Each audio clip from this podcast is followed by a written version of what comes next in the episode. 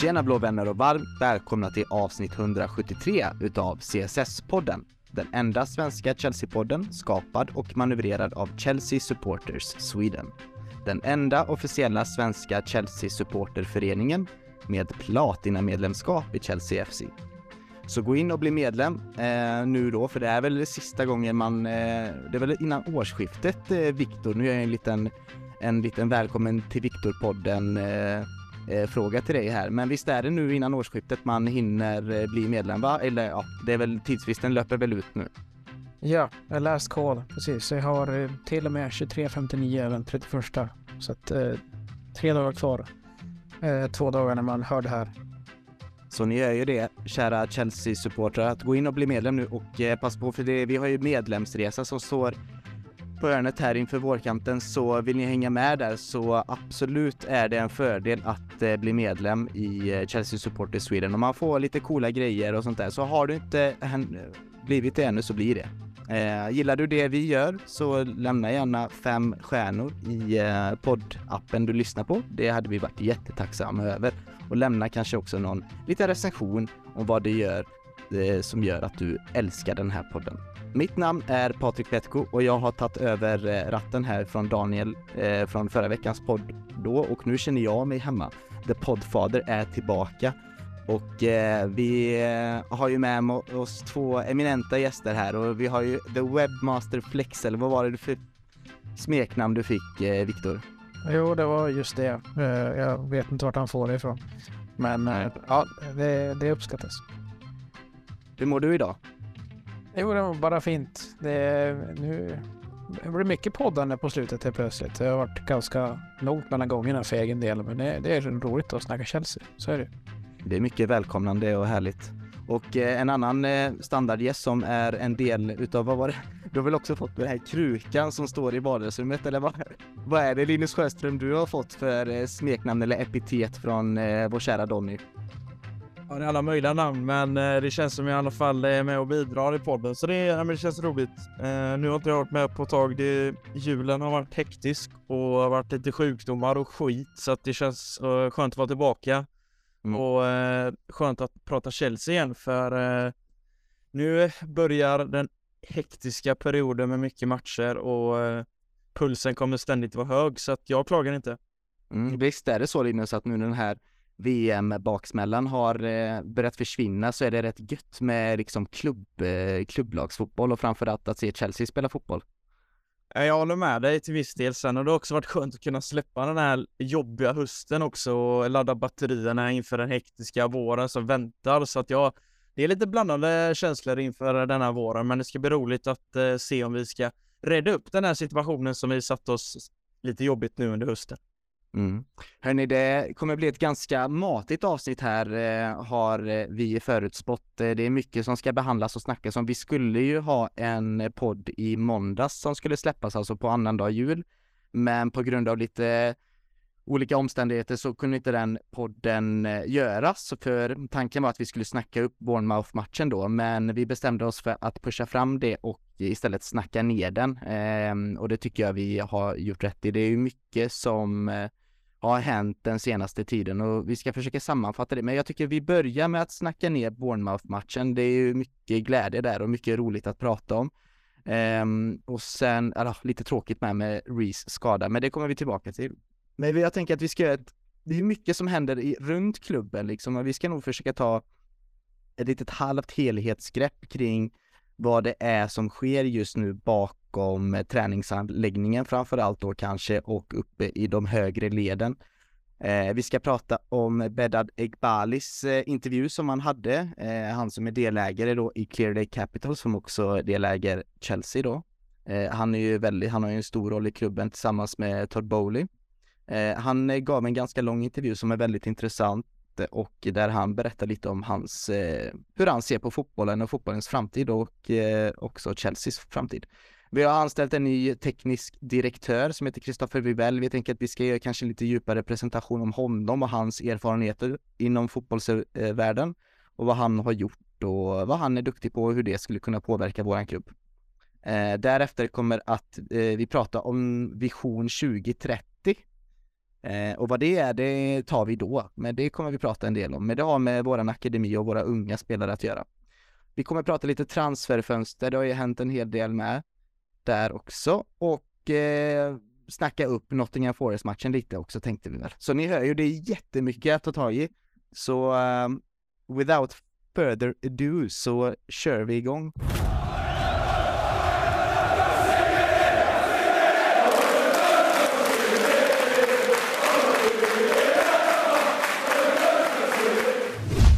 Ja, det pratades mycket innan omgången började om att det skulle ske en, en slags reset efter VM om ni minns det grabbar. Alltså att det var ju liksom, ja hur kommer lagen att eh, agera nu efter ett VM-uppehåll alternativt att man har varit iväg i Qatar och spelat fotboll. Hur kommer det här påverka liksom lagen, topplagen, lagen i mittenskiktet och i botten och kommer det här röra om i grytan på något sätt? Och Ja, kommer, kommer vi få se nya sidor utav lagen eller kommer de här dåliga sidorna, eller de här grymma sidorna hos lagen försvinna?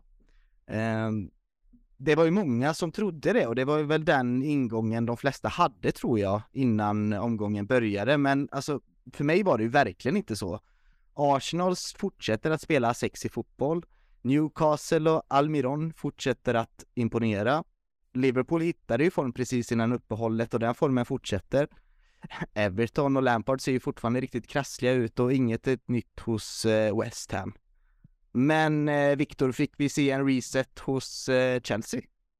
Jo, men det fick vi ju eh, på alla sätt och vis. Så, innan VM-pausen så var det varken prestationer eller resultat som vi fick med oss, men jag tycker att vi absolut förtjänar att gå upp i, i Thomas ledning där i, i paus. Och, har egentligen inga större problem med att eh, spela av andra halvlek, även om det, ja, det egna spelet hackade betänkligt då. Eh, men alltså Bournemouth var ju ett av de lag som, de har ju redan börjat sin säsong. De spelade en, en vecka innan i ligacupen, torskade mot Newcastle eh, och har ju haft betydligt fler spelare att tillgå här under VM-pausen. De har ju inte skickat halva laget till Qatar så som Chelsea och storlagen har gjort. Eh, men eh, ja, de har ju numret mindre än Chelsea och det är så skönt att få den sortens uppgift efter ett sånt här uppehåll och att klara av det.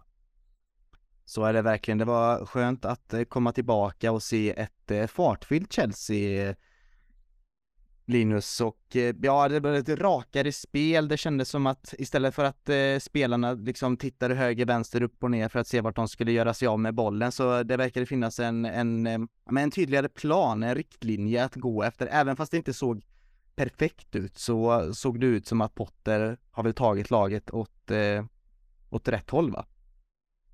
Ja, och sen tyckte jag också att det var skönt att se James tillbaka och så tyvärr fick han ju utgå andra halvlek, men jag menar den högerkanten med Reece James och Sterling var ju livsfarlig hela tiden. När Sterling ser ut som en helt annan spelare. Lite om den där spelaren man fick se i City när han verkligen var jädrigt jobbig och snabb och kvick på kanten. Det fick han faktiskt visa upp här och assisten som han gör till Kahavets mål är ju riktigt fint. Och eh, Zakaria tycker jag är ett grymt arbete på innermittfältet. Det är det där jävla ångloket vi vill ha. Bara storma fram, för jag menar det är inte riktigt Jorginhos uppgift att göra det och Kovacic har inte riktigt den styrkan som han besitter, så det känns som att han är verkligt bra komplement där inne på just det fysiska spelet, för det tycker jag vi saknar. Eh, Även när Kanté är inte den största spelaren, även om han är ganska fysisk, så det känns det skönt att ha det där eh, rivjärnet där inne som Zakaria. Det kanske inte alltid ser så vackert ut, men han eh, får med sig bollen oftast och i Mounts mål så får han ju med, fipplar han ju med sig bollen på något sätt och till slut når han ju Mount. Så nej, det var mycket positivt att ta med sig, så det känns eh, bra inför kommande matcher. Jag menar nästa match är Nottingham Forest och sen är det City på hemmaplan, så att det, det gäller liksom att få start här nu och koppla greppet. Mm. Vi vinner alltså matchen med 2-0 efter eh, mål utav Havertz och eh, Mount då. Det var skönt att se Mount eh, få till ett långskott in i mål. Han är rätt duktig på dem alltså, han är bra på att placera eh, nära stolpen, eh, lågt ner. Det är inte första gången vi ser han skjuta eh, liknande skott. Men ja, du är inne på det här med Zachary. Jag tycker det är lite intressant att varje gång Jorginho har en, en bra match eller en stor match så brukar det vara med någon som är jämte någon då som är lite mer defensiv eh, eller har en lite mer defensiv inställning på. Eh, som, som spelar typ då, det kan ju vara Kanté, nu var det ju Zakaria i detta fallet, men eh, är det lite så att Jorginho, man får ut det mesta av Jorginho när man har en stabil defensiv mittfältare jämte sig? Eh, Linus, tror du? Ja, alltså jag, det känns ju så spontant för oftast när Jorginho är som bäst, det är när han får hjälp i det defensiva för han har inte snabbheten och vändningarna att eh, kunna jobba tvåvägsspel. Eh, Så att, eh, jag menar, Kanté har ju täckt upp mycket för Jorginho. Jag tänker framförallt när vi vann Champions League och då fick ju verkligen Jorginho visa sitt fina spel och det tycker jag igår också tack vare Zakaria att Jorginho sätter många bollar offensivt och farligt i banan som man inte alltid får se från hans sida. För jag menar, möter vi ett kontringsstarkt lag där Jorginho får löpa åt båda håll, då hänger han inte med. Eh, och det jag tänker nu framförallt senast på Brighton där vi åker på stortorsk, då det är många spelare som inte riktigt hänger med. Jag menar, Zakaria hade kunnat behövas i en sån match, för man ser verkligen att han är, han är kvick och han behövs verkligen tycker jag. Alltså han hade en jättefin match eh, som ni är inne på och eh, liksom han gör, får ju otroligt många brytningar eh, under den tid där är på planen. Eh, sen vet vet inte om det är så att vi ska fortsätta spela fyrbackslinje så eh, kanske han rent av är en nödvändighet. Att vi ska kunna eh, ha den typen av formation. Att, eh, han, han täcker ju upp på ett sätt som ingen annan mittfältare i truppen gör för tillfället. Så att, han är ju egentligen en box-to-box kille också vad jag förstår av vad man har sett honom i schweiziska landslaget. Men han kan rikta in sig på de här mer defensiva uppgifterna. För vi har ju ingen annan mittfältare som sätter defensiven i första rummet när Kanté är skadad. Nej, precis och det, det visar hur eh, viktig den positionen är, att vi låser den och att vi hittar något en stabil, eh, ett stabilt centralt mittfält eh, om hur viktigt det är och att det borde vara fokuset framöver för ledningen framöver. För det är då oftast vi ser bra ut, eller alla fotbollslag ser bra ut när man har det ett eh, bra mittlås där på det centrala mittfältet. Eller en bra balans där i alla fall. Det är ju balansen som är det viktigaste någonstans i, i, i fotboll. Men ja, ni hörde ju det, eh, kära lyssnare, att det var en fyrbackslinje. Jag tycker vi kan eh, nämna startelvan där lite. Jag vet inte om det är några utropstecken där lite, men vi kan ju eh, vi hade ju Kepa tillbaka i mål. Eh, sen hade vi eh, Reece James tillbaka, jätteskönt att se. Även fast han gick ut skadad så är det gött att se han spela fotboll och vilken skillnad han gör. Eh, mittlåset i försvaret eh, var Koulibaly och Thiago Silva. Sen hade vi Cucurella på vänsterbacken. Sen var det väl en 4-3-3 vi spelade där eh, Mason Mount, Jorginho och Zakaria var väl den där trean och sen hade vi Pulisic, Havertz och eh, Sterling, Viktor. Och när vi kommer till Mount här då, enligt WhoScored så fick han, han blev man of the match då med 8,4 i, i rating. Och jag har kollat hans heatmap, alltså den är imponerande. Han var ju liksom överallt på plan kändes som, men ja, här står det ju statistiskt sett står det att han, han bildade en, eh, ett tremanna mittfält, men han var ju överallt på plan igår. Han hade ju fri roll. Han var, han var bra. Absolut, för, för mig såg det verkligen ut som en frontfyra och eh, tillsammans med Zakaria så tyckte jag att det var ju de här gubbarna som var, som var bäst igår.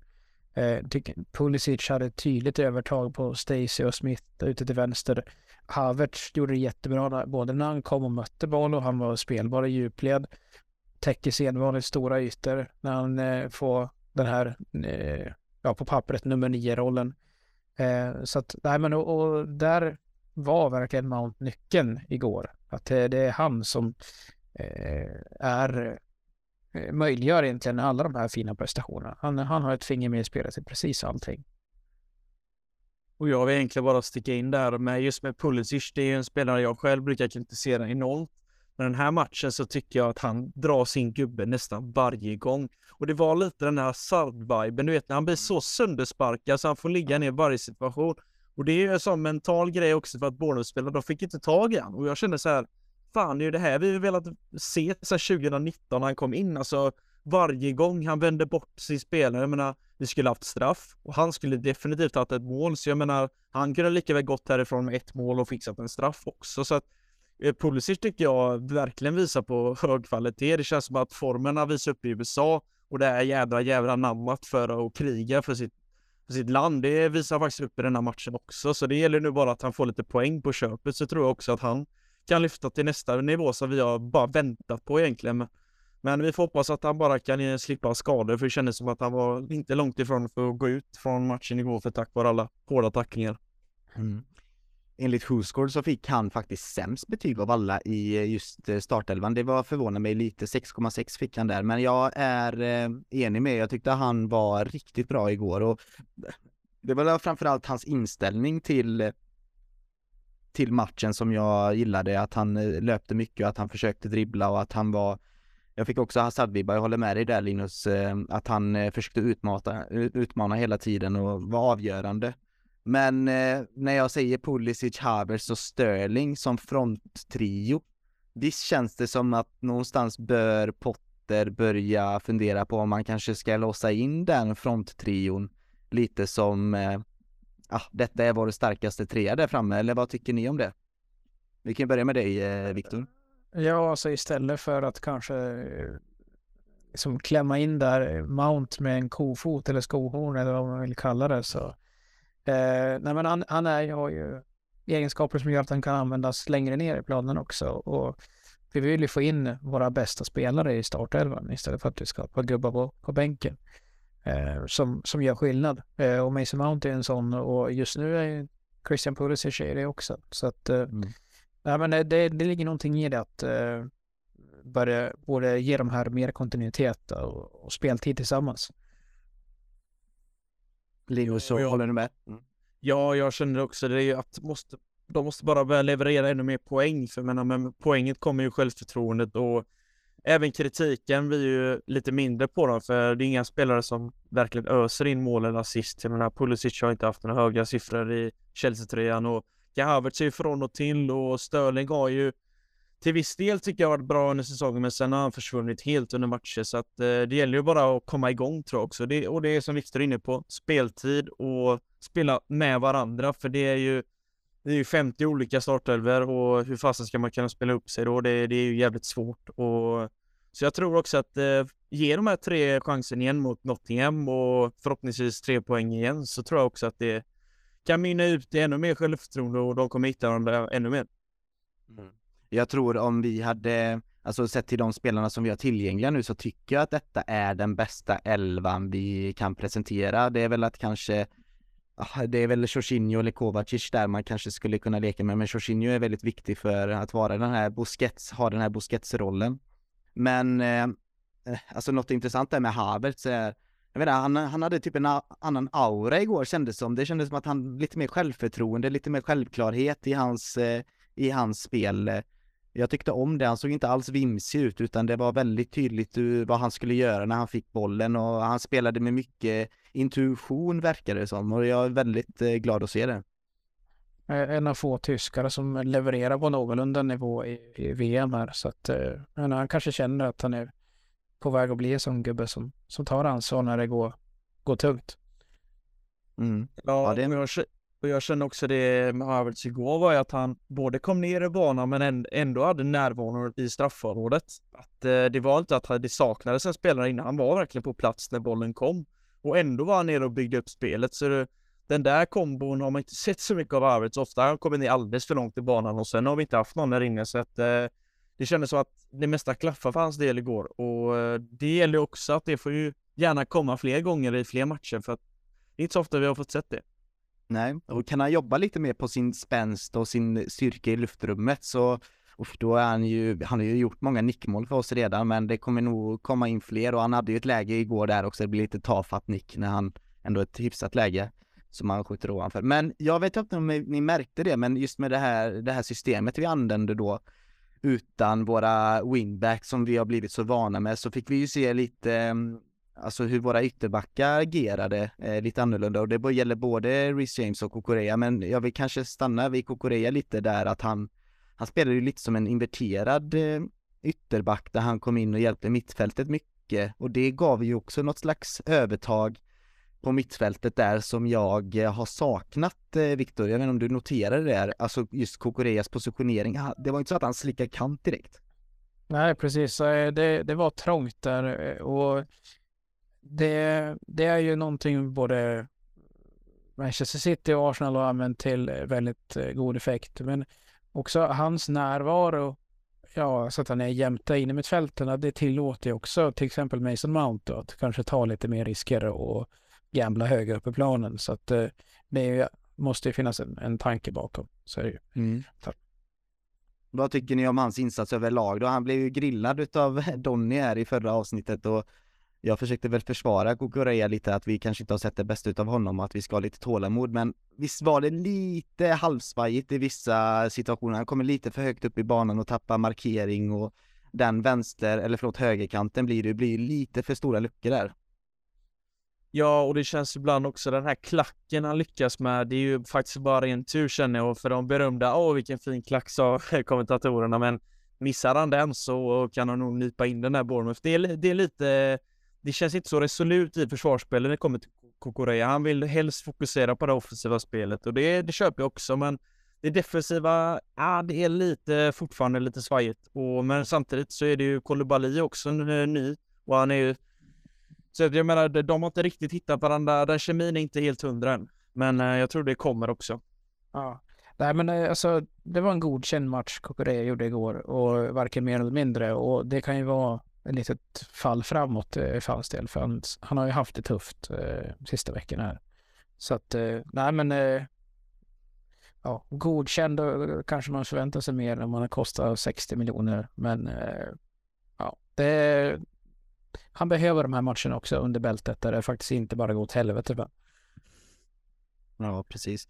Men eh, då ska vi se, alltså första halvlek, vi går in i halvleksliva med två, en 2-0-ledning och det känns bra och eh, eh, we're back höll jag på att säga för mig själv här i vardagsrummet och liksom, och nej, jag mådde riktigt bra i halvlek. Men andra halvlek, ja men tidigt in i andra halvlek så, vad hände då Viktor?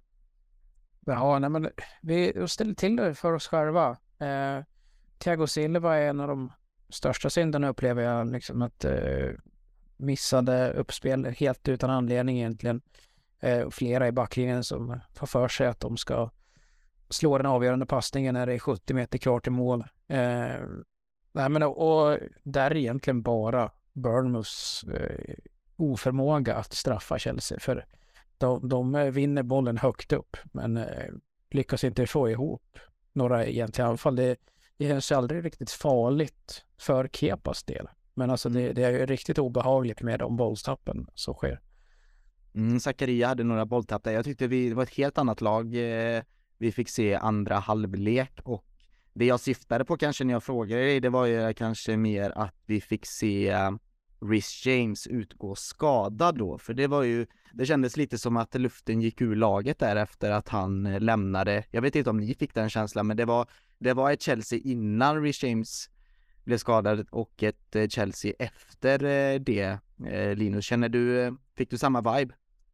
Ja, alltså det var, det var väldigt tydligt också när James gick ut att fan, där tappar vi högerkanten. Sterlings liksom första halvlek, det kunde man inte riktigt se i den andra och jag har lite minne från matchen där första halvlek. Eh, var man väldigt glad och så andra halvlek kom pappa in i rummet och han sa hur går det? Jag sa åt helvete. Men ni leder med 2-0 jag bara ja men James eh, gick ut skadad och därefter så ja men det blev alltså det blev direkt jag satt deppig andra hela andra halvlek satt jag helt tyst för jag kände bara att nej men alltså det det, det, det dog helt. Det kändes som att spelarna de gick ju planen med James hela gänget. Så det var bara kropparna kom med själarna satt i omklädningsrummet ombytta och klara att gå hem. För jag menar det det, man märkte direkt när Aspi kom in, det, visst det är stabilt defensivt men direkt så tappar vi ett offensivt alternativ där högerkanten egentligen försvinner till mestadels och nej, det bara rullas omkring men ordet jag skulle använda är nonchalant eh, egentligen.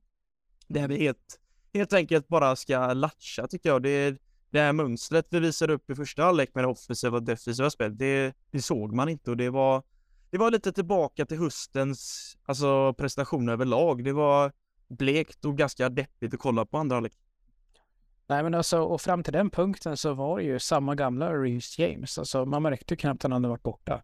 Eh, äger den där höga korridoren precis som man gör varje match. Och som Linus säger, så lyfter sina lagkamrater till nivåer som bara han kan. Eh, sagt har ju väldigt stor del i att eh, Raheem Sterling ser så bra ut och även de innermittfältare som eh, är närmast hans utgångsposition så att säga. Så att, nej, det, det blir ett, ett dråpslag, men det ska ju inte få så grava effekter som det faktiskt blir. Det är imponerande att han kan ta sig tillbaka och se lika stark ut eh, eh faktiskt. Det är ruggigt imponerande och ja, vi kan ju, vi kommer ju hylla honom i oändlighet hela hans karriär känns som. Men det är ändå någonting jag vill diskutera här med er och det var någonting jag lyfte upp eh, lite privat i våran privata chattgrupp här. Det var väl hans eh, skadehistorik och jag vet inte, är det dags att prata om det tycker ni? Är det lite för är det lite för tidigt att börja kanske sia om han är en skadebenägen spelare eller inte, men alltså det jag kan notera på hans av hans tre säsonger här nu då i A-laget då kan man väl säga Eh, är att han har missat, ska vi se om jag kan räkna ihop dagarna här på ett studs med han har ju missat över ja, men 35 matcher ungefär på grund av skador. Han hade ju skadat 19-20 Lampard-säsongen där, då hade han ju eh, hälsenan eh, och sen var det hälsenan igen och sen var det musklerna och sen var det ljumsken eh, och sen var det musklerna igen och sen var det ljumsken och knät då senast här.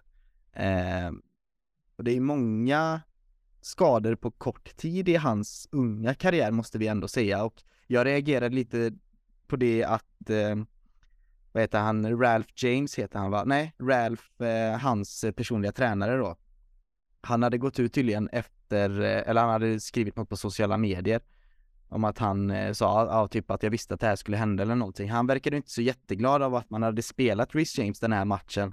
Eh, och eh, Potter fick ju frågor om det även på presskonferensen, att var han verkligen spelklar med tanke på detta? Hur reagerar ni på det? Han verkar ju vara, alltså hans personliga tränare då, verkar ju varit lite arg på Potter att han, att han fick spela. Eh, tyckte ni det var rätt eller fel att spela. Det är kanske är rätt att säga nu i efterhand att det var fel, men vad får ni för vibe liksom av alltså, hela den här situationen? Han hade ju lika gärna kunnat slå upp den här knäskadan i, i träningsmatchen mot Brentford bakom stängda dörrar. Det hade ju inte varit någon skillnad. Eh, mm.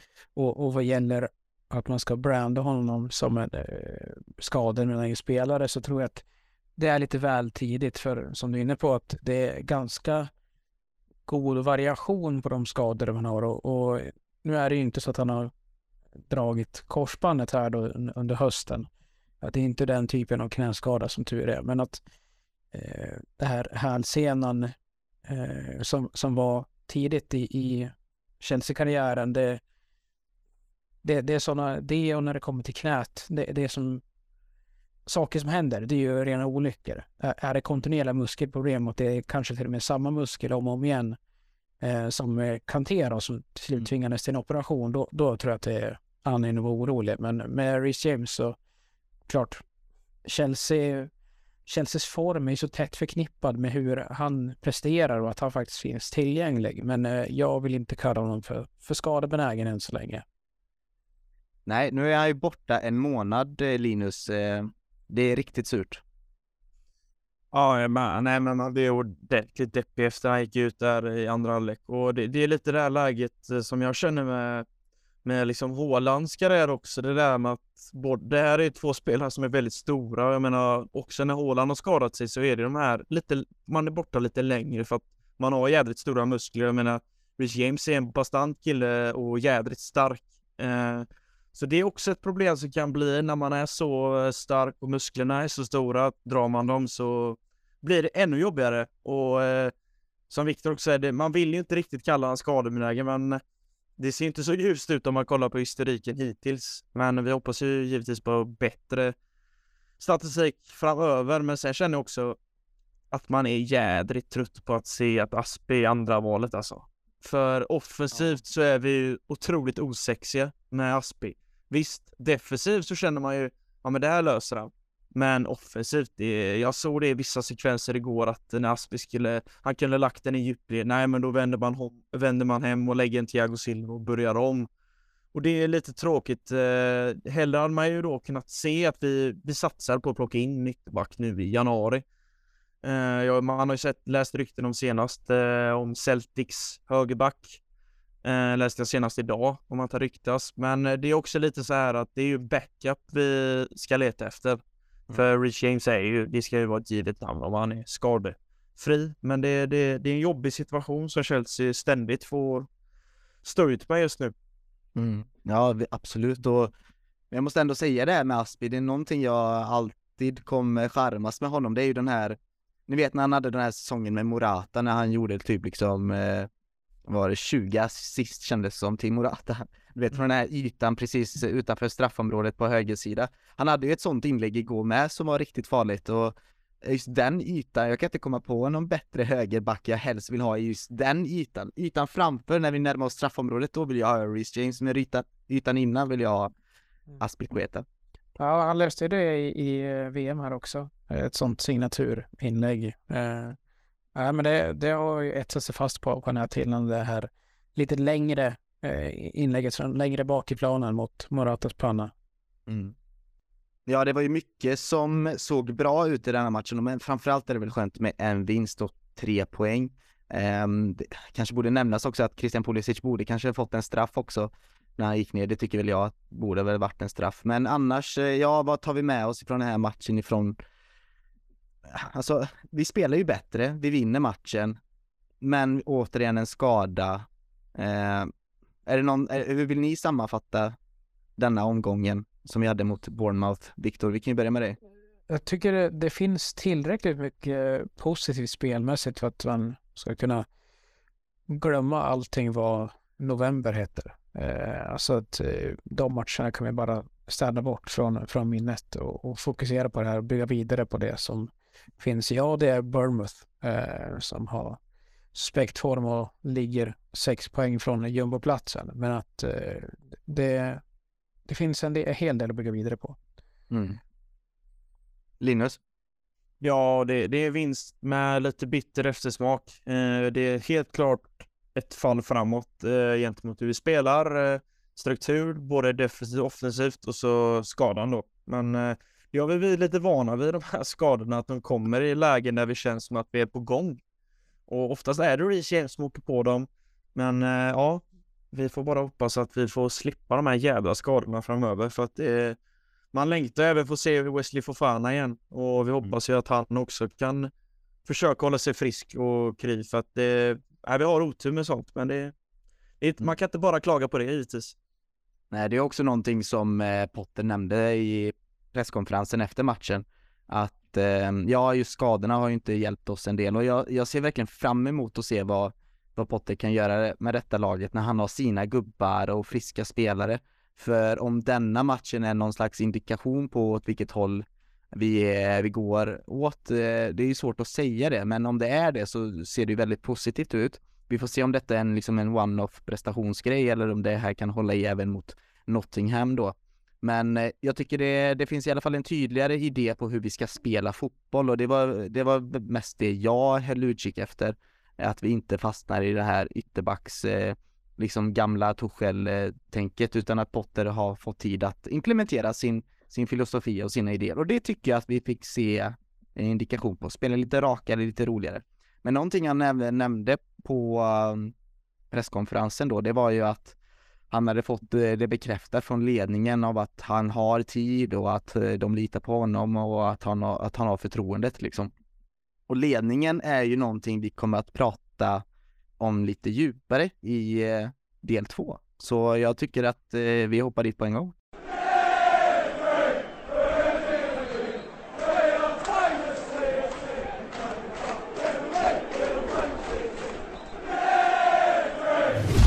Ja, då hade vi den här intervjun då. Den har inte blivit viral ska vi säga bland oss Chelsea-fans, men jag tycker den är väldigt eh, intressant att eh, ta del utav. Eh, alltså Bedad Egbalis intervju då, eh, som eh, ja, handlar egentligen om fotboll i stort och eh, visionen av fotboll i framtiden och liksom vart fotbollen är på väg, både kommersiellt och sportsligt. Eh, och han tar givetvis eh, fram en hel del tankar och reflektioner kring hur han vill att eh, Chelsea ska jobba framöver ute i eh, fotbollsvärlden. Och den här intervjun är ganska lång och den är ganska djup och sådär, men jag tänker att vi kanske bara kan ta fram lite intressanta punkter eh, och intressanta ja, men åsikter Egbali har då. Eh, någonting som jag reagerar på, reagerar på det är väl att han tycker att han anser att eh, europeisk fotboll ligger cirka 20 år efter den amerikanska sportindustrin. eh, vad gäller kommersiell och dataanalys sofistikation och tror att det finns mycket potential för tillväxt inom sporten. Han, han tror ju mycket på att, liksom Moneyball, har ni inte sett den filmen så gör det. Det handlar liksom om en Brad Pitt-film när han eh, ska försöka bygga ett baseballlag baserat bara på statistik och det här har ju blivit känt att eh, Brentford håller på med väldigt mycket. Ehm, det kan ni läsa mer om, men det, det är som att han vill applicera det hos oss här också och det ser man ju också på de där ja men de tillsättningarna vi har gjort inom ledningen och vi har pratat om det väldigt mycket, men vad får ni för, efter att ha tagit del i denna intervjun och läst den lite snabbt eh, grabbar, vad får ni för eh, känsla kring eh, hur han vill eh, ta klubben, eh, klubben framåt, eh, Linus? Jo, men det känns intressant. Just det här, jag tycker inte samma just med det här med att samla data och statistik, för det, det är någonting med många klubbar jobbar om i Europa och runt om i världen idag och det känns som att det är på det sättet man också får fram otroligt mycket talanger och, och det känns som ett sätt som eh, ska bli intressant att följa också hur Chelsea kommer utvecklas.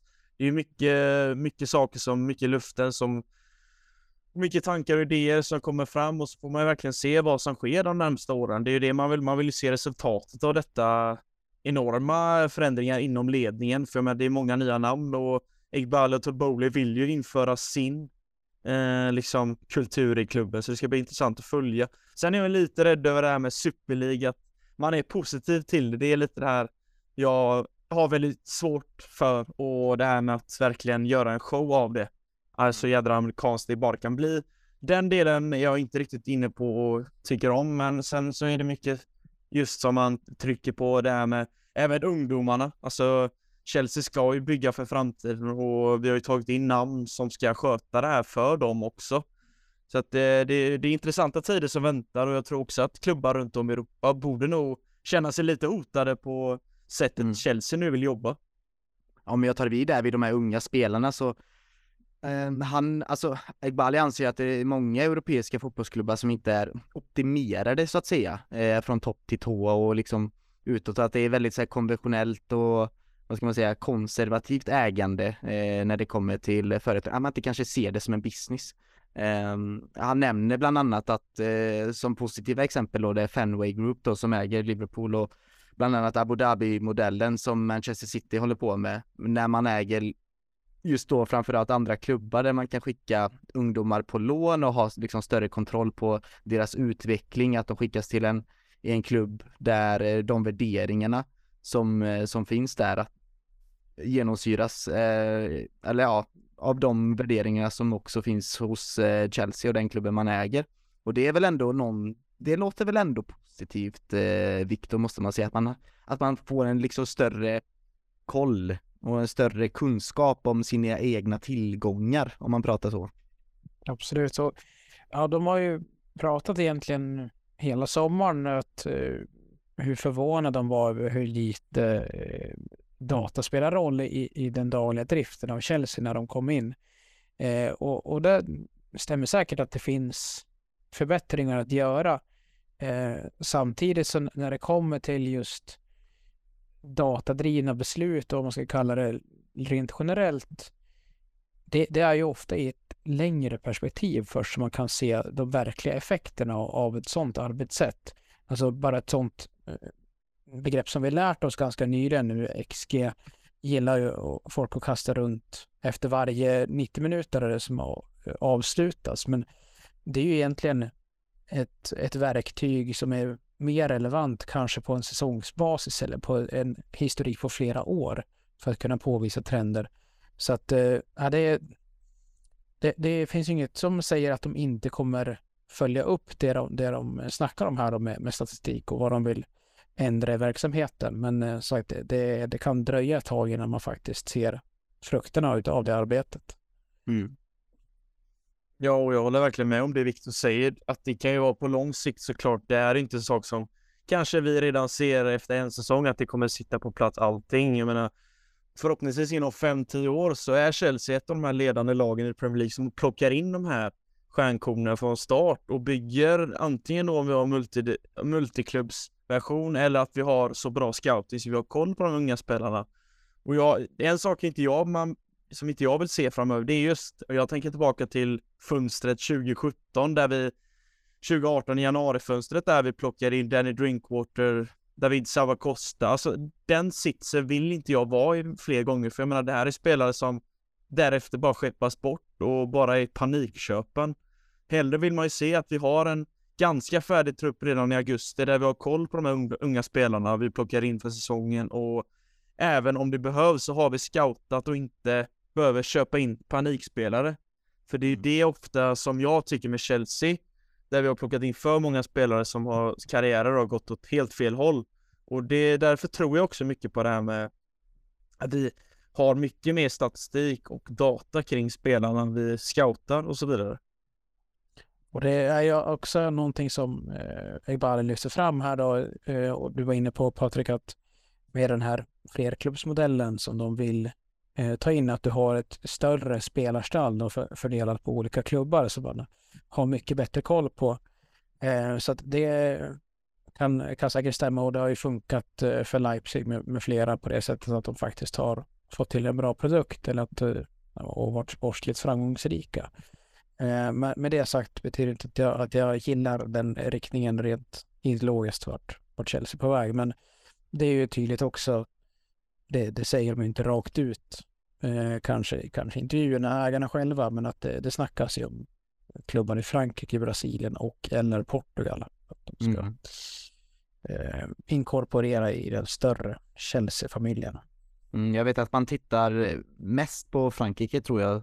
Finns ju, alltså det, det kryllar ju av talang i, i Frankrike, det vet vi ju nu. Vi kollade ju på VM och det dykt upp nya spelare där som jag har börjat följa lite närmare. Det är oerhört intressant vad som eh, sker i Frankrike när det kommer till fotbollsväg och bra akademier, bra tränare, bra fotbollskultur och allt möjligt. Så jag gillar att man tittar på Frankrike, men jag förstår också vad du menar där Viktor, för någonstans den här fotbollsälskaren i en vill ju att det ska vara lika villkor för alla liksom och det känns som att den här fotbollshierarkin som finns kommer ju etableras och bara bli tydligare när eh, storklubbar går åt det här hållet. Jag tycker det är kanske klokt ur ett alltså finansiellt och kommersiellt och kanske mer eh, sportsligt eh, sätt att Chelsea gör detta då för våran klubb. För jag, om inte vi gör det kommer andra klubbar göra det eh, och vi kommer kanske halka efter. Eh, och det är bra att vi är tidigt in på detta för att se vad som funkar och inte funkar. Men det är ju svårt för kanske PSV Eindhoven att göra den här resan.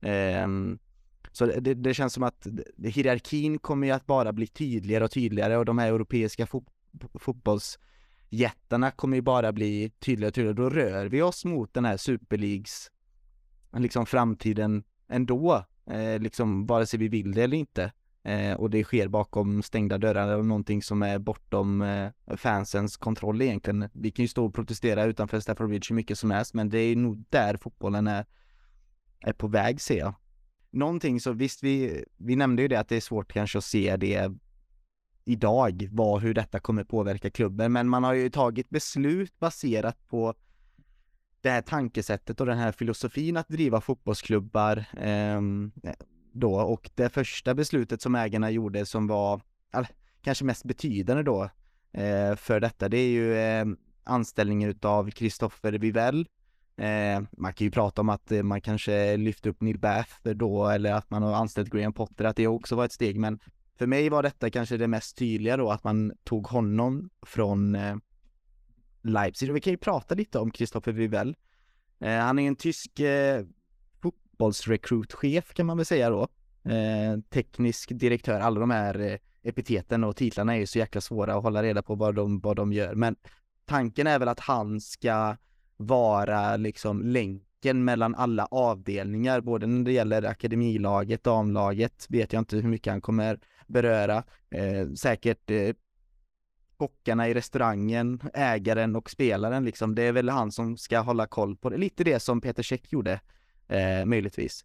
Eh, han har tidigare då jobbat på eh, RB Leipzig och eh, för Red Bull Salzburg, så han har ju varit med i den här Red Bull-koncernen då, så han har ju erfarenhet av den här multiklubbmodellen.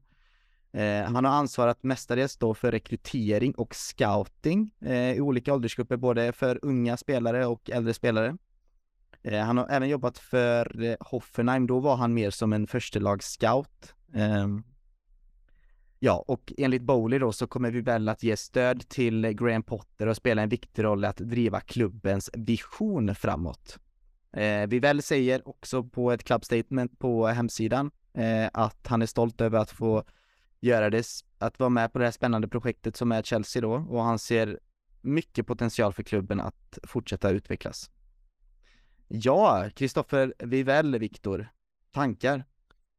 Ja, nej men enligt eh, Kinsella då på Evening Standard så ska ju då Chelseas transferkommitté vara färdigställd i och med den här anställningen och eh, ja, vem som bossar över vem, ja, det, det verkar ju som att eh, Bowley faktiskt fortfarande kommer vara ganska duktigt involverad i, i den här dagliga driften med att nu har de den här eh, stora kontorsrummet där det sitter Eh, massa mäktiga män och ska säga sitt. Eh, men det, det är ju också gubbar eh, med, med Lawrence Stewart och Joe Shields och alla de här som kommer in. Att eh, de ska ju basera det, det ska inte vara några killgissningar det är frågan om utan att det, det är ju personer som köper in sig på visionen som ägarna har för klubben. Att just att det är datadrivet, det ska vara empiriskt. Eh, att, eh, och sen såklart kommer ju sånt personligheter och dylikt ta, tas i beaktning vid rekrytering och sånt också. Men att eh, nej, Vivell är ju verkligen en person som har levt det här livet och, och vet hur eh, den här, en sån här klubb fungerar. Och det är någonstans han som kommer dra ett tungt lass när det här nätverket ska, ska byggas upp. Mm. Och han känns verkligen så här specialrekryterad för just det ändamålet. Så eh, ja, det känns som att ledningen har gjort sin eh, scoutning när det gäller Vivell och vad han kommer tillföra. Men eh, Linus, du reagerade lite på, eller reagerade, du, du tyckte ju om att kolla mm, in eh, de här notabla övergångarna som eh, Vivell ändå stått för eller varit ansvarig för. Vi kan ju, ska vi börja i lite i hans tid i Salzburg där? Kan vi nämna några notabla övergångar både in och ut för eh, RB Live Salzburg? Ja exakt, det var ju verkligen eh, en imponerande lista för inköpen han gjorde till, eh, till Salzburg var ju bland annat Dacca, Haidara, Sablosai, Ademi, Haaland, Cesco. Det är ju inga dåliga namn om man säger så och kollar man vad spelarna är idag så är det ju väldigt imponerande och eh, duktigt scoutat kan man i alla fall säga. Och eh, försäljningarna också eh, från Salzburg då, det är Upamecano, Haidara, Nabi Keita, alla till Leipzig därefter och Haaland också är ju med i det här eh, spåret när han gick till Dortmund. Eh, och om vi går vidare sedan till Leipzig så är inköpen också givetvis i följande från Salzburgklubben där man Sablosai, Sörloth, eh, Brobby, Silva, Guardiol, Angelino, Moriba, Samikan, Werner, Cesco. Och dessa spelare, vissa av dem har ju också tagit steg ytterligare där på Mikano. Har ju gått till Bayern München, Konaté till Liverpool, Tyler Adams till Leeds, eh, Luckman eh, lånas ut två gånger innan det blir permanent då till Atalanta. Brobby eh, är ju Ajax. Så att jag menar, det är ju en jädrigt imponerande lista. Där många spelare givetvis har gått genom Salzburg till Leipzig och senare ut i ett ytterligare steg i Europa. Men jag menar, det, det, det, är, ju, det är ju den listan, det är inte många 36-åriga scouter eller eh, direktörer, ja, vilken slags eh, titel de ska ha. Eh, som 36-åring har det, dessa spelare på meritlistan, det är ju det är väldigt stort och man vet ju att Leipzig och Salzburg har jobbat på det här sättet tidigare där man har gått från Salzburg och sen vidare till Leipzig och därefter tagit ytterligare det här steget. Så att det, det är en imponerande resa man har fått se vi väl har gjort i båda klubbarna och jag tror att, eh, att det är rätt man på rätt ställe just nu för Chelsea också. Alltså när du, man hör dig läsa upp de här namnen Linus så tänker man typ på Monchi i Sevilla. Alltså det är en, ja. en kille som har koll. Eh, med väldigt imponerande track record och som sagt eh, han är bara 36 år, ganska ungt i den här världen eller åtminstone om man kollar styrelsenivå. Eh, men det, det inskänker ju någon form av förtroende och det är en ganska turbulent år vi har bakom oss. Så att eh, man, man vill ändå tro att det är kompetent folk som kommer in i klubben och ska styra skutan. man blir väldigt taggad när man hör de här namnen att, oh shit, vi, vi kanske hittar liksom Håland innan han liksom kostar två miljarder. Eh, liksom. det, det är ju det som får mig att känna att eh, klubben är i trygga händer och att det är ett eh, seriöst eh, och ansvarsfullt sätt då att eh, bedriva klubben eh, framåt. För att det är ju säkert, vi ser att om vi skulle värva, nu har vi, vi kommer ju nämna några namn då som vi redan är here we go så att säga och halvofficiella. Och, och de här unga spelarna, det finns ju några som har redan eh, blivit klara för klubben då inofficiellt. Men det, det är inte, vi ser att om det är 20 utav de här spelarna så är det kanske en eller två utav dem som kanske skulle kunna slåss om en plats i startelvan om några år, men det är ju säkert mycket pengar ut också. Man kommer ju säkert få bra betalt för de här spelarna om de eh, åker iväg till de här klubbarna som vi är associerade med ute i Frankrike eller i Portugal eller vilket land det nu blir i framtiden. Eh, Linus? Ja, och drömmen jag känner jag själv har är ju att vi ska bli den sista destinationen för de här toppspelarna. Att vi, vi ska komma upp på den här nivån där Real Madrid och, eh, Barcelona är det här drömstället. Chelsea ska bli ett ställe där man vill stanna och verkligen nå toppen. För jag menar Leipzig och Salzburg, när man har nått till Leipzig kanske, då är inte det sista steget i karriären. Det, det är det absolut inte och jag hoppas att vi på det sättet kan bygga på det på den banan att fasen Chelsea är den klubben. Jag kan inte komma högre än så här och jag tror att det är på ett sätt att det kan vara rätt väg som vi håller på med just nu. Jag gillar vart, vart Linus är på väg och jag varit nyfiken eh, nu när du pratade om det innan Patrik. Eh, men du har ju lyft lite grann farhågor om vilken klubb Chelsea kommer vara. Liksom. Eh, att vi håller på att tappa positioner i något slags europeisk näringskedja. Och att om vi då eh, säger att Fofana eller vem som helst är den nya Håland, alltså vi hittar honom innan han kostar en, två miljarder, kommer man kunna vara den klubben eh, mm. på toppen av näringskedjan och samtidigt göra den sortens värvningar, ge dem tid att eh, akklimatisera sig eller att hitta eh, sin, sin förmåga samtidigt som man ska vinna allt som går att vinna. Mm. Ja det är superintressant och det, jag tror man kan inte börja med för tidigt att värva de här spelarna förrän man har en plan på vad man ska göra med dem. Men jag litar ju på att de har en plan på, jag vet till exempel eh, Datro Fofana som vi har nämnt och vi kommer att nämna igen nu här i podden. Vad visst, eh, Molde har nu bekräftat idag att han eh, är klar för Chelsea då, men ska han lånas ut? Ska han skickas i, kommer han in i A-laget? Liksom det, det är väldigt otydligt vad som kommer hända och vi är väldigt tidigt inne. Men skulle det vara så att de här spelarna som vi införskaffar oss tidigt nu, alltså du vet de här, vad är det, 18, mellan 18 till 21, liksom den, det känns som att det är det spannet någonstans, eller 17-åringar till och med.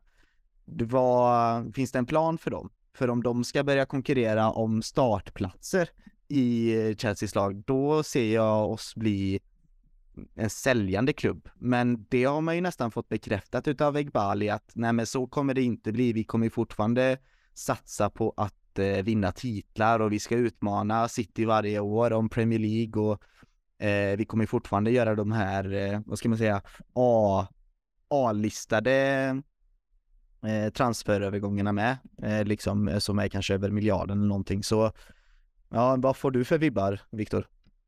Nej men eh, jag, jag vet inte riktigt vad jag får för, för vibbar, eh, om jag ska vara ärlig.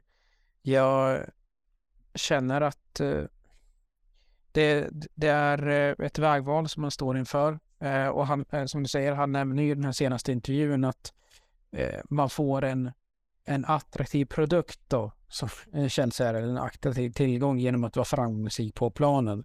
Eh, men att det enda syftet med att värva de här talangerna behöver inte nödvändigtvis vara att de ska bli ordinarie i Chelsea, utan det finns ju också ett, ett eh, värde man kan få ut av dem när de lämnar klubben också. Eh, sen, det jag tänker på med den här multiklubbsmodellen, det är också ett sätt för klubben att kringgå Brexit i det här mm. fallet. Att eh, spelare som kanske inte hade beviljats eh, arbetstillstånd Eh, Eh, för att de inte hade någon reell chans att slå sig in i A-laget. Nej, men då kommer de tillhöra en annan klubb i det här paraplyet och att eh, liksom, Chelsea-organisationen kan gå, på, gå med vinst ändå på de här spelarna.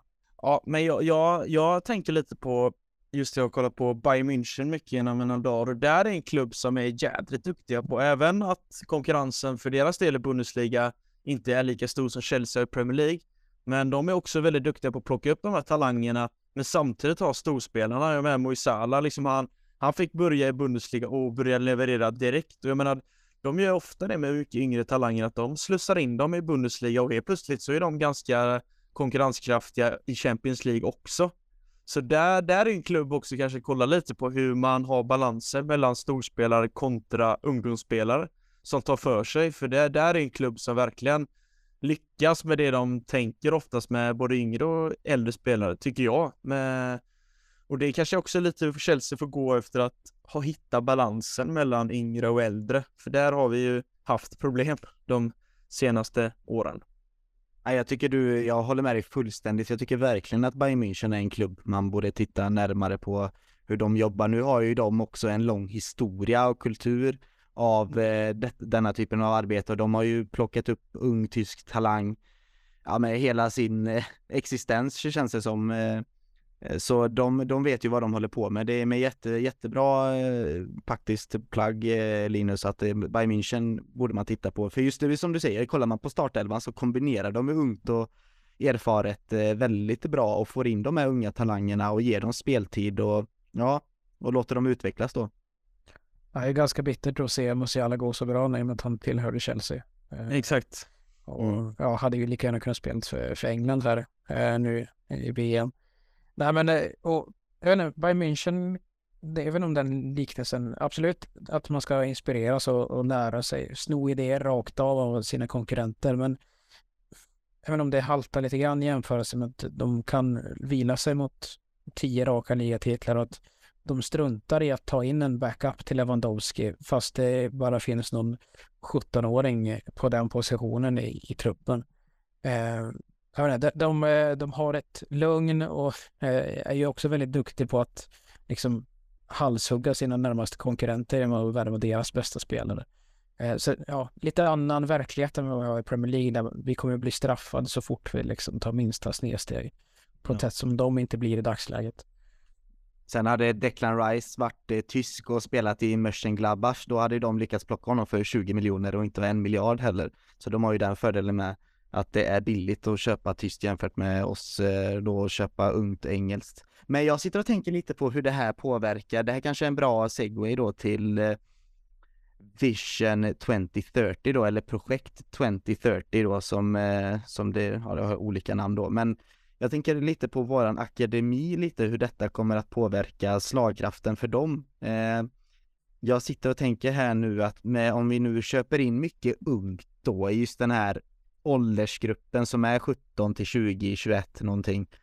Kommer inte det kanske göra det lite svårare för våra, alltså akademispelare att kanske slåss om en startplats och i, i A-laget och nå och göra den resan så att säga, eller kommer de liksom att slussas in i samma, alltså kommer de bara behandlas på samma sätt tror ni som de här spelarna som vi värvar in?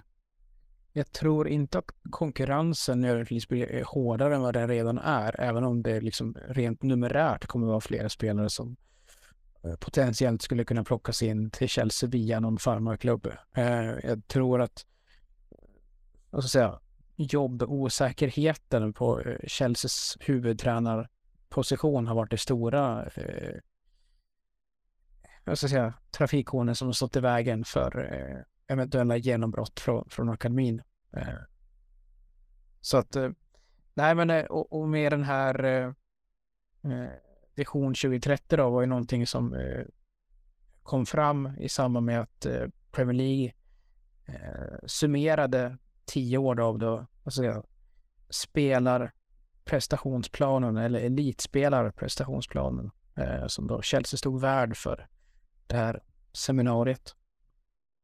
Eh, och eh, ja, nej, men det är ju ett projekt som Neil Bath som nyligen blev befordrad, men att de har ju jobbat på den här eh, målsättningen i ett par år nu, formaliserat den. Så Precis, det verkar ja. jätteintressant. Och det, jag minns att det var, jag vet inte om det var Bowley eller Egbali just som kritiserade den gamla ledningen att man inte, att det inte fanns någon koll och att inte avdelningarna pratade med varandra och jada jada, men ändå här känner jag att nej, men Chelsea hade något på G här om att eh, just då med Vision 2030 då att man ville bygga någonting. Men innan vi börjar prata mer om det, vill, eh, vill du Viktor kanske dra en liten snabb genomgång eh, vad Vision 2030 är? Ja, men tack så nog så har de ju några tydliga punkter eh, för vad det här innebär. Eh, men visionen har då fem huvudsakliga mål och det är att 15 procent av eh, de spelade Premier League-minuterna ska eh, ske från akademispelare. Att en fjärdedel av A-lagstruppen ska vara fostrade i akademin.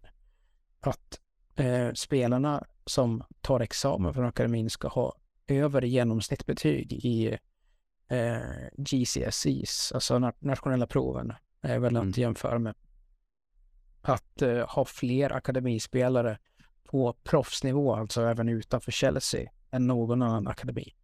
Och att vinna fler nationella och internationella tävlingar än de konkurrerande Så mm. att, eh, ja men det är också en eh, liten, litet sidospår, men eh, intressant med att de har redan lyckats vända trenden vad gäller eh, skolbetyg till exempel. Att de har mm. ställt de kraven på att de ska eh, hänga med i skolan och att de presterar över medelnivå samtidigt som de är, lägger väldigt mycket tid på att spela fotboll. Precis, och vi ser ju redan eh, fruktet av det lite att eh, hur vi har jobbat med våra akademi den senaste tiden. Lampard fick ju det serverat eftersom det här transferfönstret, eh, eller förlåt, transferförbudet kom helt enkelt. Så han var ju illa tvungen att spela akademispelare och det ska vi vara väldigt tacksamma över att det hände för annars kanske vi inte hade sett Mount eller Reece James i en eh, kungsblå tröja. Men det finns lite andra grejer kring det. Det är ju att Chelsea fokuserar även på um, utveckling av tränare eh, med olika subject matter experts liksom som stöttar de olika områden. Eh, vad det är, alltså det är att man utvecklar tränarna helt enkelt på olika, olika nivåer.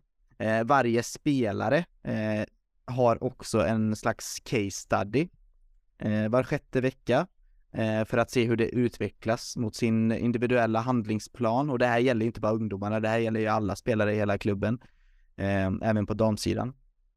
Ehm, ja, akademin för, alltså försöker att utveckla framtidens spelare och, och kommer fokusera ännu mer då på data och analys. Eh, och sen något som jag tycker är jättekul att höra då, eller framförallt viktigt, är ju utbildning och mental hälsa är ju viktigt och du nämnde ju det med utbildning. Det var ju, det var ju jättepositivt att man tar det som en, eh, en viktig punkt för en ung, det är inte alla som blir fotbollsproffs höll jag på att säga, men det kan ju gå illa för vem som helst och då är det bra att man har någonting i ryggen att vila sig mot. Men också det här med mental hälsa, det är ju väldigt viktigt inom elitidrott överlag och det är någonting som har pratats mer om de senaste, ja men vad är det, kanske årtiondet då har det pratats mer och mer om det. Eh, ja, och sen är det där permaprofilering av spelarna, positiva känslor, engagemang, relationer, mening, ansvar och prestation. Så det, det känns ju lite som att man de har byggt något slags eh, fotbolls-Hogwarts där, eh, Linus, när man hör detta.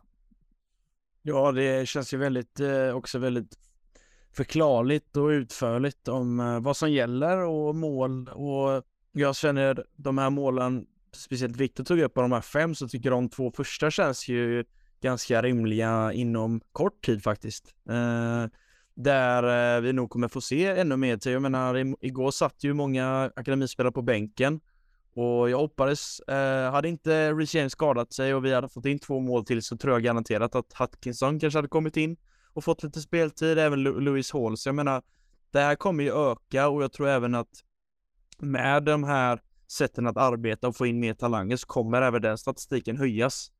Och även de andra punkterna som har lyfts upp, de kommer ju också sakteligen förhoppningsvis gå åt rätt håll och det är 2030, det är några år kvar, men jag ser, ser ändå ljust på punkterna och de känns ändå rimliga eh, att kunna nå. Men eh, allt handlar ju om också hur arbetet kommer att gå och det är jättesvårt för oss tre att sitta här och säga exakt så här bra blir det, men eh, det känns ändå intressant att följa den här resan och det är skönt att kan ändå få se lite inne i organisationen hur det kommer fungera och hur de jobbar mot dessa mål. Mm. Och någonting som också har med 2030 att göra, jag vet inte om det är Vision 2030 eller Project 2030 att göra, men ni, ni har ju märkt det, ni som läser mycket Twitter och fotbollsnyheter och Chelsea-nyheter och i, synner, i synnerhet är att vi värvar ju väldigt mycket ungt nu. Det gjorde vi i somras. Vi har ju nämnt eh, några Men jag tycker vi kan väl dra en lista med de här unga spelarna vi har värvat och så får vi se om vi har glömt av någon eller inte. Men vi har ju Datro Fofana som nyligen blev eh, eh, officiell ifrån Molde då, att han kommer till oss. Och sen har vi Casadei, Chukwemeka, Slonena, Slonina. Eh, vi har Atkinson också som kom tillbaka efter eh, lite tid i Arsenal och eh, Andrei Santos från Vasco da Gama ska ju vara klar också tydligen. Eh, har jag glömt någon i det här unga pölen av spelare? Det är väl eh, Chukwumo Eka då i så fall som också får Ja, jag nämnde Adam. Ja. Mm. Ja. ja. Men det är, ja, vad, vad, vad tänker du, ska de här ingå i den här Vision 2030 Viktor? Eller vad, vad, vad får du för känsla kring de här typen av spelarna? Ja, nej, men det är ju de här spelarna kommer ju också få sällskap i de, de kommande transferfönstren. Eh, som sagt, eh, de, överlag så kommer inte den här ledningen knappt värva någon som är äldre än 25-26 år. Men, eh, så att, men det här är spelare, eller en kategori spelare som Chelsea kommer fortsätta plocka på sig. Eh, och som sagt, det, det behöver inte vara allt för många som, eh, som ger utslag så att säga för att det ska vara värt investeringen. Så att eh, Ja, jag vet inte vem av de här jag ska, ska backa riktigt, men att eh, vi kommer att se flera sådana värvningar i, framtiden, det är jag rätt säker på. Mm. Och med det så tycker jag att vi eh, tar ett litet extra, en extra blick på transferfönstret som kommer. Det händer ju en hel del på marknaden, så jag tycker vi eh, kollar vad som händer där.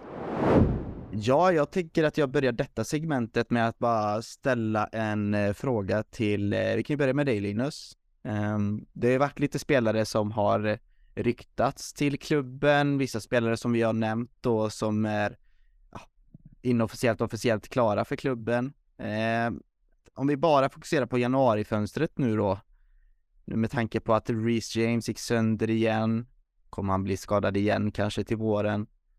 Ja, vad får du för känsla kring de namnen och eh, som har nämnts hittills och de namnen som inte har nämnts kanske? Är det någonting mer du vill se där? Ja, nu har vi som sagt fått in Fofana här då från Molde, en anfallare. Eh, och jag kollade lite upp honom här under inspelningen faktiskt. Eh, där han själv har även beskrivit som att han är, han är Chelsea-fan från barndoms ben och det älskar man ju alltid när man får höra en sån story. Det är alltid roligt. Och där han själv också läst, man kan läsa en intervju där på goal.com där de, där han själv liksom har besvarat lite frågor där han, när det kommer till att dribbla så har han fått inspireras av Ronald, Ronaldinho och den gamla Ronaldo. Och när det kommer till att göra mål, då är det Cristiano Ronaldo. Och så han har verkligen kollat på de här stora matcherna, eller stora spelarna och det är även Messi, hur han rör sig, Zlatans fysik, så jag menar det och även lyfter han Drogba såklart som har en stor inspiration från honom. Uh, och det är även att han är ju LFBs kustkille uh, så att uh, ja men det, det känns som att det är ett lite ungt lufte, född 20, 2002 och har gjort en hel del mål i Molde så att det ska vara intressant att se hur han kommer att komma in i det här laget. Om det blir som en slags broja-position, tredje val eller om han helt enkelt kanske kommer kriga sig till ett backup-alternativ till Ika Havertz just nu. Men eh, vidare så tycker jag att det har ju ryktats en hel del av de närmaste dagarna om Enzo eh, Fernandes, eh, namnet som eh, vi alla fick upp efter VM här, eh, som gjort ett grymt VM för Argentina och var en bärande spelare på innermittfältet och är ju en riktig hårding och det ser man även på hans eh, hur han ser ut, där han är fullt av tatueringar och ser ut som en gubbe man inte vill möta på krogen en fredagkväll. Och, eh, och vidare, senaste jag läst lite lösa rykten om idag var Celtics högerback Juranovic eh, som eh, ett alternativ då till Rich James tack vare den här skadan. Och eh, Santos ska ju vara på ingång här nu och eh, jag läste senast idag att eh, han ska flyga och göra sin medical i antagligen imorgon eh, om allt går rätt till. Men annars så, eh, så tycker jag att det, det florerar ju mycket rykte, men de här spelarna jag tagit upp senast här nu eh, är spelare som jag kan tänka mig även till klubben. Eh, och ut har jag inte läst jättemycket. Det kom upp lite svaga rykten om att Jorginho kanske ska till Newcastle nu i januari. Men annars så är det nog de hetaste namnen just nu om jag skulle summera ihop det. Mm. Vi kan ju ta lite namn här då. Vi, om vi börjar med David Datro Fofana då. Det, finns en, eh, ni som lyssnar på mycket Chelsea-podden kanske känner till det, men det finns ju en podd som heter London is Blue Podcast eh, som är baserad i USA som är väldigt bra, en väldigt bra podd om Chelsea. Men jag tycker självklart att ni ska lyssna på våran podd först innan ni lyssnar på deras avsnitt. Men eh, de hade ju med en gäst där, han heter CFC Pys på Twitter, jag vet inte exakt vad han heter men jag tror han eh, Jag tror han är indier eller pakistanare, det spelar ingen roll, men han är superduktig i alla fall på att göra sådana här analyser utav spelare och eh, är en riktigt gedigen fotbollsnörd och han blev inbjuden då ett avsnitt där han bara pratade om David Datofafana. Då hade han ju specialstuderat honom och eh, han nämnde massa positiva grejer, grejer som han måste jobba på och så vidare som fotbollsspelare. Men det jag eh, det jag fastnade för lite i hela den här analysen som han presenterade eh, i podden var väl att just i Elfenbenskusten, du vet, man är ju ett fransktalande nation. Det finns ju, det är väldigt lätt för, eller lätt är det inte, men det är ju väldigt, vad ska man säga, förutsägbart för unga ibrojanska spelare att söka sig till Frankrike för att kanske lyckas och slå igenom och hitta trygghet, ekonomisk trygghet framförallt då som fotbollsproffs. Och funkar inte det, då har man ju alltid språket att vila sig på, man kan, kan etablera sig i samhället på ett annat sätt.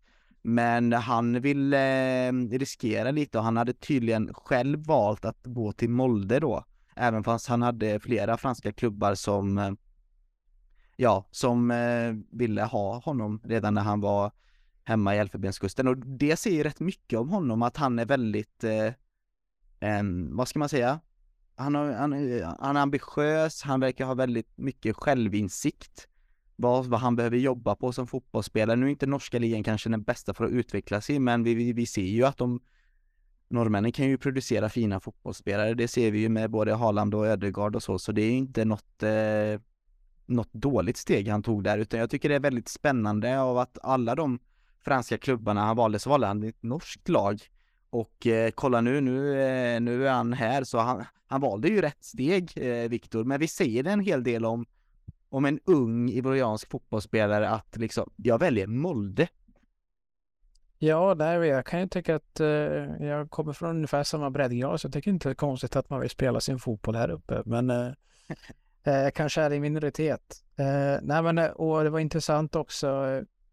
Det var Eh, The Athletic hade eh, en eh, skandinavisk fotbollsexpert, eh, Vyss, delar ju namn med en av de här budgivarna som budade på Chelsea i somras, men han påtalar ju hur ovanligt det är att man går direkt från Skandinavien till, till England och att man faktiskt går till en, en klubb som Chelsea på det.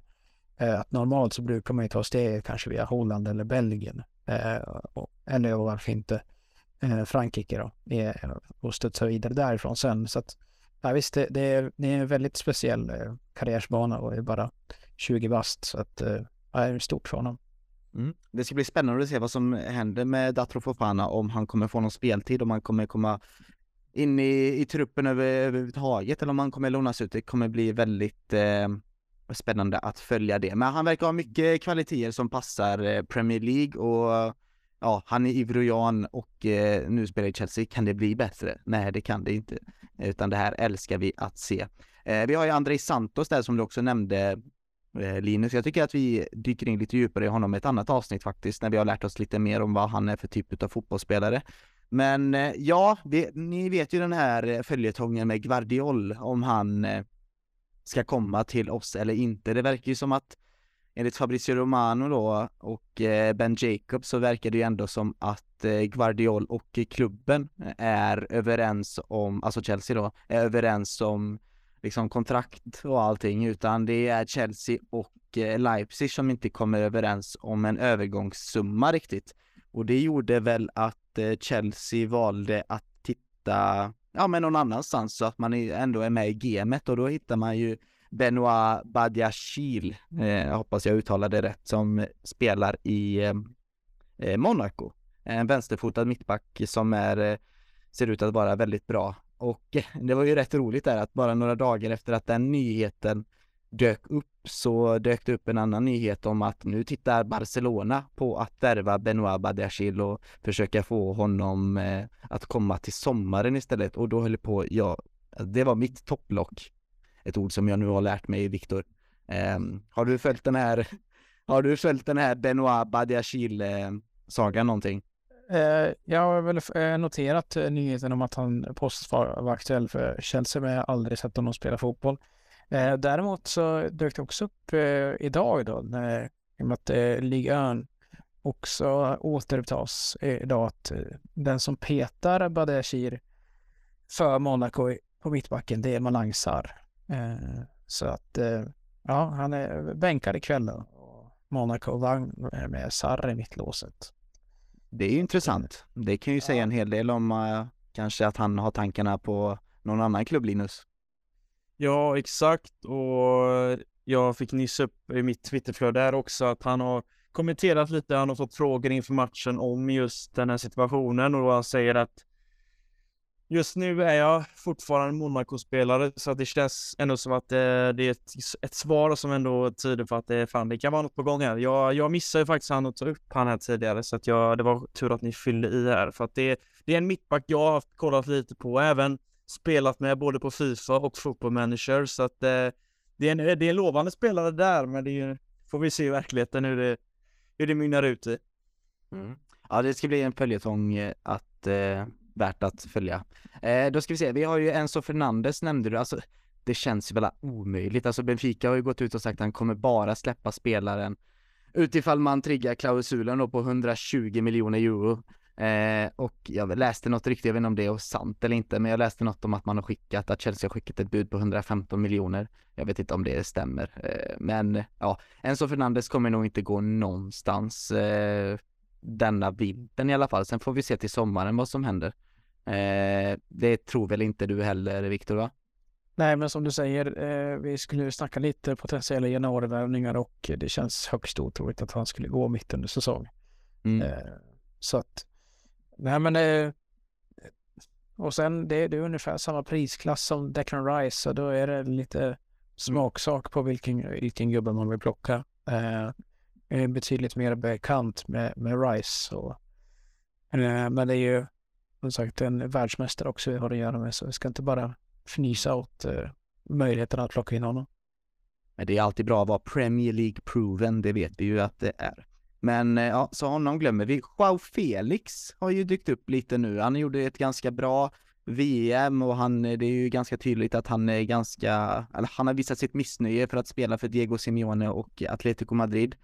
Det känns som att hela fotbolls-Europa är ute efter hans signatur nu. Är det någon spelare som skulle kunna passa i vårt lag, eh, tror ni? Det är en väldigt annorlunda typ av spelare som Chelsea kanske inte har haft riktigt. Eh, ni får rätta mig om jag har fel, jag kan inte riktigt komma på någon spelare som han är lik den i fotbolls-Europa som jag kommer på, någon som jag skulle kunna jämföra Joao Felix med, det är väl eh, eh Antoine Griezmann, eh, Viktor. Vad, vad, vad känner du kring Joao Felix? Nej men absolut att det kan vara lite av en enhörning så i och med att det är inte så många som delar just hans egenskap och, och fysik eller kombinationen utav dem. Eh, men jag är lite less på att vi ska bli någon slags eh, destination för spelare som vill liksom sätta, väcka liv i karriären eller någonting. Det känns som att det har hänt lite för ofta att vi tar in ett lån som, ja, alltså när våran egen form dalar så ska det komma in någon eh, spelare med så här halvsänkt självförtroende och, och förväntas rädda upp den åt oss. Så att, eh, jag tror inte att eh, det är någon eh, särskilt god timing i en sån värvning. Mm. det är en bra poäng eh, faktiskt. Och jag håller med dig om det, det är väldigt tråkigt. Men nu får vi säga, han gjorde ett bra VM och alltså han kan ju spela fotboll killen. Och jag gillar ju den här typen av, alltså Griezmann hade ju ett fantastiskt VM tycker jag. Efter Messi så var, tycker jag, att han var bäst eh, av alla spelare faktiskt. Men eh, det är kanske inte den typen av spelare vi behöver riktigt, Joao Felix.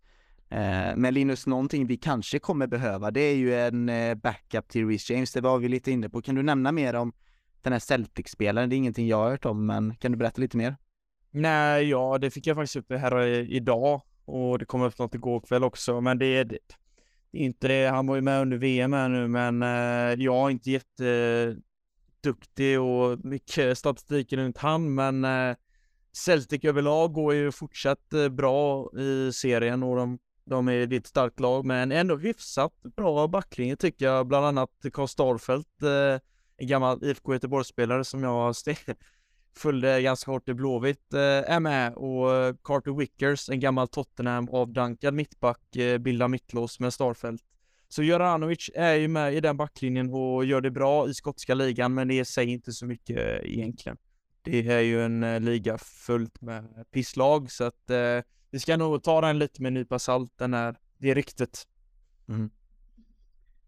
Då, eh, alltså transferfönstret finns mycket att prata om här. Jag tycker att vi gör ett mer silly season inriktat avsnitt sen när fönstret väl öppnar. Det kanske blir redan nästa avsnitt eller om eh, två veckor. Vi får se riktigt när vi gör det. Men eh, vi ska ju faktiskt spela fotboll igen här. Det var jättekul att slå Bournemouth, men nu ska vi faktiskt gå och spela mot eh, Nottingham Forest på på bortaplan, Viktor. Och ja, Nottingham Forest, nu växlar vi om väldigt fort här. Nu är det dags att prata ren fotboll igen. Vad har vi att se fram emot för denna matchen? De spelade ja. igår efter oss mot United och ah, de såg väl inte så, de ser inte alls sammankopplade eller sammansvetsade ut. Ja visst, här på nyårsdagen är det dags igen. Eh, så skönt att det är klubblagsuppehåll på menyn. Eh, men egentligen, alltså precis som Bournemouth så avslutar de eh, ganska bra här innan VM-uppehållet med ett par segrar eh, mot Spurs och Crystal Palace. Eh, precis som Bournemouth så börjar de, återupptog de säsongen eh, för en vecka sedan. Eh, de slog då Blackburn Rovers i kuppen. Men eh, ja, som du säger mot Manchester United hade de ju inte en suck riktigt och eh, de har ligans sämsta målskillnad. Eh, ligger på 19 plats. Jag menar, de här 62 spelarna de värvade i somras verkar inte ha fått så stor effekt. Eh, och lite annan strategi än vad till exempel Norwich hade i fjol som inte värvade någonting. Eh, nästan som, som nykomling. Eh, så att med, med den här segern vi har i ryggen och eh, med tanke på vad det är för lag vi möter ska det kunna vara ytterligare tre poäng in på kontot. Det ska vi kunna kräva. Mm. Linus, eh, dina tankar kring matchen? Ja, men det som Victor är inne på, det är ett lag som inte alls har bra statistik från den här säsongen. Eh, enda matchen jag kan liksom tänka tillbaka på som de, där de faktiskt presterat på en bra nivå, det var mot Liverpool på hemmaplan och de slog dem 1-0. Där de faktiskt presterat på en eh, bra nivå och publiken på City Ground är ju jävligt passionerad och det, det är ju back in the days när eh, de bland annat vann Europatitlar och så vidare. Men eh, det är lite svårt att leva på det idag och det är inget, det är inget sammanspelat lag direkt. Det är för många nya spelare in och nu senast gick Jesse Lingard ut, eh, en spelare de hade gärna velat få ut mer av, men eh, har tyvärr inte kunnat leverera på en godkänd nivå. Så det är, det är ett svårt lag att säga något så direkt om mer än att vi ska ta tre poäng. Mm, ja men visst är det jag tyckte, jag vet inte om det var att eh, United var riktigt bra igår eller om det var Nottingham som var riktigt dåliga. Visst att United såg, spelade lite rakare fotboll och sådär och Eh, Rashford hade en, eh, en bra kväll eh, på fotbollsplan men jag menar om det var Nottingham som bjöd på alldeles för mycket heller. Det är väldigt svårt lag att analysera tycker jag eftersom det är så mycket nya spelare och inte alls sammankopplat. Men visst är det ändå ett bra, ett bra läge liksom. Vi har eh, lite vind i, i ryggen och med det här, den här prestationen mot Bournemouth och eh, ja, det borde ju kännas som att tre poäng är någonting som eh, borde vara låga odds på. Men vad, vad ser du fram emot mest utav prestationen då? Eller vad förväntar du dig kanske mest utav eh, Chelsea, Viktor? på söndag. Jag för, förväntar mig att vi bättrar Uniteds resultat som det var 3-0 häromdagen. Eh, alltså, nu får vi akta oss för att vi inte börjar prata oss som supportrar till ett lag som ligger åtta i ligan, för vi är bättre än så. Oavsett vilken form eh, Nottingham är eller hur många spelare har värvat in eller hur osammanhängande de ser ut på planen så är det ju Chelsea ska ju bara käka upp nykomlingar. Så enkelt är det. Mm. Eh, men eh, oh, om man ska ta en lite mer objektiva brillorna på sig så det, det, det kommer vi lösa. Och eh, ja, men jag ser gärna att, att Havertz fortsätter ta ett, ett ansvar i offensiven. Att han eh, tar sina lägen, för han eh, i regel kommer han till dem, men att han fortsätter eh, hjälpa sina, sina medspelare också, sätta upp dem i bra positioner. Mm. Det här är faktiskt första gången eh, sedan 99 som Chelsea spelar eh, borta på eh, City Road och det är ju rätt häftigt. Eh, och då slog vi dem med 3-1. Så det är ju, vad blir det nu, 23 år sedan vi åkte dit och spelade fotboll. Det ska bli spännande eh, bara det faktiskt, att eh, fansen får träffas och inte slåss denna gången, men de kanske kommer säga, ja ah, det var länge sedan du, ja det kommer nog dröja 23 år till kanske innan vi ses igen. Får vi se, vi får se om det tar så lång tid eller om de kommer åka ut, det ska bli spännande. Vi har ju vunnit våra eh, sju senaste möten mot Nottingham Forest annars. Så det är ju också kul att ha med sig. Och ja, våran bortaform är ju ändå helt okej okay, måste jag tycka. Det är hemmaformen som har varit lite svajig. Så det, det mycket tyder på att vi ska bara dit och krossa dem, eh, Linus. Ja, och sen hoppas jag faktiskt på en liknande elva senast då mot Bournemouth, att Zakaria får den chansen igen. Att mm. Pulisic också får vara med i den här fronttrion. Sen får vi återigen samma problem som vanligt. Vem ska spela högerback? Jag tror säkert det blir Aspi. Nu var Ruben Loftus-Cheek tillbaka i, tillbaka i träning. Men eh, det blir antagligen Aspi. Men annars vill jag nog se liknande lag som vi hade senast. Mm. Och eh, alltså Kovacic och Ziyech börjar ju träna med laget först idag så det är svårt att säga om de kommer, kommer vara med här men det känns som att de borde ha tillräckligt med tid för att ingå i matchtruppen i alla fall. Så är det, Ziyech alltså, fan nu kommer jag på, just det, han ja. Eh, fan ska vi göra med honom? Ska vi behålla honom eller inte? Vad tycker ni? Ska vi lämna med den frågan kanske? Viktor? Att förutsatt att det, finns de som vill att betala hans eh, försäkliga lön och att de kan eh, ge Chelsea en övergångssumma som de anser vara godtagbar. Även då ska vi dra nytta av att han faktiskt har presterat i VM för sitt Marocko och eh, skeppa honom all världens väg. Mm. Ja, och jag håller med. Säljan innan han visar på sin gamla sida som han brukar göra Chelsea-tröjan. Sälja av han innan det går tillbaka till gamla mönster. För i VM var han faktiskt bra. Det, det var länge med man så ser så involverad och verkligen intresserad av att spela fotboll. Mm. Ja, du hör ju Hakim om du lyssnar. Jag, Viktor och Linus tackar för din tid. På återseende. Och med de eh, orden så stänger vi eh, detta matiga avsnitt. Tack för att ni har lyssnat. Det var ett långt avsnitt och det har varit eh, både höga dalar och djupa diskussioner om laget och ledningen och vår framtid helt enkelt. Och det som är i nuet, det är ändå det som är viktigast. Ehm, ja, tack grabbar för att ni var med. Tack Linus för att du kunde ställa upp idag. Ja, men tack detsamma. Det var, det var väldigt intressant idag. Det var mycket att beröra och roligt och intressant att även läsa om ledningens mål och visioner om framtiden. Mm. Och tack Viktor för att du ställer upp igen. Ja, tack ska du ha Patrik för ditt kontinuerliga engagemang och eh, din, eh, att du brinner för CSS-podden. Det är eh, jävla ynnest. Eh, de här, eh, alla som följer CSS-podden-sidan och alla lyssnare. De, de har dig som styrskutan. Tack så jättemycket, det värmer. Och jag har faktiskt en liten överraskning till er. Eh, både er två och till alla er som lyssnar. Eh, vi kanske kommer ha ett nytt intro inför nästa avsnitt som är lite mer, ah, vad ska man säga, skräddarsytt. Eh, och jag, ja, ser, jag ser fram emot att dela den med er. Och eh, ja, ni får ha öronen spetsade och prenumerera och likea och allt det där och skriv kommentarer och ge oss fem stjärnor och framförallt gå med i den här eh, CSS-podd-gruppen på Facebook för där kan ni faktiskt också eh, recensera dagens avsnitt eller prata om de ämnena vi har pratat om. Eh, även ge oss kanske lite tips på ämnen vi borde beröra i framtida avsnitt. Eh, jag får jättemycket inspiration utav er och eh, ja, så fortsätt med det. Ni är skitgrymma.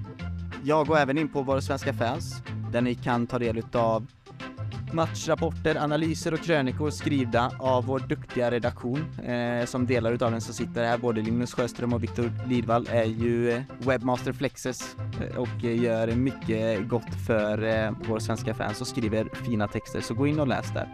Eh, återigen ett stort tack till dig som har lyssnat. Keep the blue flag flying high.